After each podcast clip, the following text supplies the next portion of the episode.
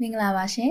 IT for Basic Education Course Orientation IT ဘာသာရဲ့မိတ်ဆက်ကနေပြီးတော့ကြိုဆိုလိုက်ပါတယ်။ကျွန်မကပြုံးပြုံးကျွန်တော်ကတော့လုံးလုံးပါ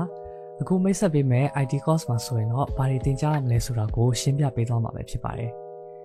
ဒီ IT course မှာပထမဆုံးအနေနဲ့သင်ကြားပေးမှာကတော့ Introduction to Computer System ပဲဖြစ်ပါတယ်ဟုတ်ပြီဒါဆိုလုံးလုံးရေဒီအပိုင်းလေးကဘာတွေလေ့လာသင်ယူရမှာလဲကွန်ပျူတာနဲ့ပတ်သက်ပြီးတော့တည်တင်တည်ထိုက်တဲ့အခြေခံတွေကိုသင်ကြားပေးမှာဖြစ်တယ် ဒီကွန်ပျူတာတစ်ခုမှာပါဝင်တဲ့အခြေခံအကြောင်းအရာတွေကွန်ပျူတာအမျိုးအစားတွေအစိတ်ပိုင်းတွေ software တွေ network နဲ့ internet တို့ရဲ့အသုံးပြုပုံခေါ်ဝေါ်တွေကိုသိရှိနားလည်သွားဖို့ပဲဖြစ်တယ်ကွန်ပျူတာအကြောင်းပြီးသွားပြီဆိုရင်တော့ပြုံးပြုံးအနေနဲ့ DIT course မှာနောက်ထပ်ဘာအကြောင်းတွေလေ့လာရမလဲဆိုတာကိုရှင်းပြပေးပါဦး နောက်တစ်ပိုင်းမှာတော့ mouse ကင်တွယ်အသုံးပြုပုံတွေကိုသင်ပြပေးသွားမှာဖြစ်ပါတယ်ဒီအပိုင်းမှာဆိုရင် mouse ရဲ့အလုပ်လုပ်ပုံတွေ mouse တွေရဲ့အမျိုးအစားတွေကိုသိရှိနားလည်လာပြီးတော့ mouse ကိုကျွမ်းကျင်ချင်ချင်ကင်တွယ်အသုံးပြုတတ်သွားမှာပဲဖြစ်ပါတယ်နောက်ပြီး keyboard ကင်တွယ်နည်းတွေကိုလည်းသင်ပြပေးသွားအောင်ပါနော်ဒီကနေပြီးရရှိနိုင်တာကတော့ keyboard နဲ့ key အမျိုးအစားတွေ keyboard ရဲ့ function တွေကိုသိရှိနားလည်ပြီးတော့မြန်မာအင်္ဂလိပ်စတဲ့ font တွေရဲ့ စာရိုက်နည်းတွေကိုလည်းလက်တွေ့ကျွမ်းကျင်စွာသုံးစွဲလာနိုင်အောင်သင်ကြားပေးမှာပဲဖြစ်ပါတယ်ဒါအပြင်အင်တာနက်နဲ့သက်ဆိုင်တဲ့တည်ကောင်းစရာအကြောင်းအရာတွေကိုလည်းတည်တည်ချာချာရှင်းပြပေးသွားအောင်ပါနော်ဒီအပိုင်းလေးမှာဆိုရင်တော့ search engine တွေအကြောင်းနဲ့အင်တာနက်ကိုဘယ်လိုအကျိုးရှိရှိအသုံးပြုရမလဲဆိုတာတွေအင်တာနက်ကိုအသုံးပြုပြီးတော့ကွန်ပျူတာနဲ့တခြားသောပစ္စည်းကိရိယာများကိုချိတ်ဆက်အသုံးပြုနိုင်တဲ့ဘ ഹു တုတတွေလည်းရရှိမှာဖြစ်ပြီးတော့လက်တွေ့လှုပ်ဆောင်မှုတွေလည်းပြုလုပ်နိုင်မှာပါ ဒါတွေတည်ပြီးသွားပြီဆိုရင်တော့ IT for Basic Education course မှာနောက်တစ်ပိုင်းအနေနဲ့ကတော့ကွန်ပျူတာအသုံးပြုခြင်းကနေရရှိလာမယ့်ကျန်းမာရေးအကောင်းဆိုးတွေကွန်ပျူတာတွေကိုအသုံးပြုတဲ့အခါလိုအပ်တဲ့လုံခြုံရေးကျင့်ဝတ်တွေနဲ့ Digital Citizenship ရဲ့အခြေခံသဘောတရား၉ခုကိုပါသင်ကြားလေ့လာခွင့်ရပါနော် IT for Basic Education course ရဲ့နောက်ထပ်အပိုင်းမှာတော့ word processing လို့ခေါ်တဲ့ကွန်ပျူတာစာစီစာရိုက်အကြောင်းတည်ကောင်းစရာတွေကိုလည်းရှင်းပြသင်ကြားပေးဦးမှာနော်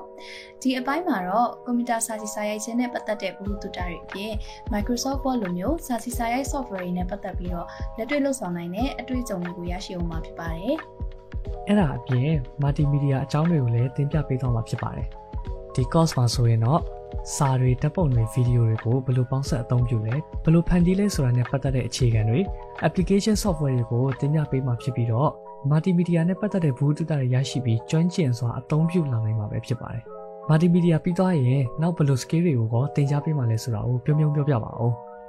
နောက်ထပ်သင်ကြားပေးသွားမှာကတော့ကွန်ပျူတာဖြင့် presentation ပြုလုပ်ပုံအစဉ်စဉ်အခြေခံနည်းပညာတွေပဲဖြစ်ပါတယ်။ presentation software နဲ့လက်တွေ့နှုတ်ဆောင်နိုင်မှုအတွေ့အကြုံကောင်းတွေကိုဒီအပိုင်းမှာရရှိမှာပဲဖြစ်တယ်။ဒီ presentation အကြောင်းပြီးသွားရင်တော့ spreadsheet ဆိုင်ရာအခြေခံနည်းပညာတွေဖြစ်တဲ့ကွန်ပျူတာစီးရင်စရာထည့်သွင်းတာတွေတွက်ချက်တာတွေပြင်ဆင်ရွှေ့ပြောင်းတာတွေစသည်ဖြင့်တည်တင်တည်ထိုက်တဲ့ဝတ္ထုတာတွေကိုပြောပြသွားမယ်အပြင်လက်တွေ့အသုံးပြုနိုင်တဲ့အထိသင်ကြားပေးသွားမှာလည်းဖြစ်ပါတယ်။ နောက်ထပ်သင်ကြားပေးမယ့် skill တစ်ခုကတော့ digital arts ကွန်ပျူတာနဲ့ပကြီးဆွဲတာကိုသင်ပြပေးမှာပဲဖြစ်တယ်ဒီ course မှာဆိုရင်တော့ computer graphic နည်းပညာကိုအသုံးပြုပြီးတော့ပကြီးဘယ်လိုဆွဲလဲရုပ်ပုံတွေဘယ်လိုရလာအောင်လုပ်နိုင်လဲဆိုတာကိုလေ့လာနိုင်မှာပဲဖြစ်ပါတယ်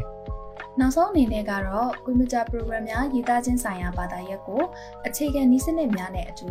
blog လို့ခေါ်တဲ့စိတ်ဝင်စားဖွယ်ရာကွန်ပျူတာ program အကြောင်းကိုလည်းသင်ကြားပေးသွားအောင်မှာဖြစ်လို့ဒီအပိုင်းလေးပြီးသွားပြီဆိုရင်တော့ကွန်ပျူတာ blog program တွေကိုလက်တွေ့ရေးသားနိုင်အောင်မှာဖြစ်တယ်။ဒါအပြင် Scratch နဲ့ Python လို့ခေါ်တဲ့ programming language တွေနဲ့ program တွေကိုလက်တွေ့ရေးသားနိုင်တဲ့အထိသင်ကြားပြသပေးသွားမှာလည်းဖြစ်ပါတယ်။ ဒါကြောင့် IT for Basic Education course မှာကွန်ပျူတာအခြေခံတွေကနေစပြီးတော့ internet အကြောင်းတွေ digital citizenship နဲ့ word processing presentation spreadsheet နဲ့ပတ်သက်ပြီးတည်တဲ့ skill တွေအပြင် digital art တွေနဲ့ programming language တွေကိုပါသင်ကြားလေ့လာခွင့်ရမှာဖြစ်တယ်နော် ဟုတ်ပါတယ်အခုဆိုရင်တော့ဗီဒီယိုသင်ခန်းစာမိတ်ဆက်လေးကတော့ဒီမှာပဲပြီးဆုံးသွားပြီဖြစ်ပါတယ်ဒီ IT for Basic Education course လေးကိုအားလုံးစိတ်ဝင်စားကြလိမ့်မယ်လို့မျှော်လင့်ပါတယ်နော်ကျမပြုံပြုံလုံလုံလုံးနဲ့အတူတူလာပြီးတော့လေ့လာကြဖို့လည်းအားလုံးကိုဖိတ်ခေါ်ပါရနော်အားလုံးပဲ queue စိုက်ကြပါရှင်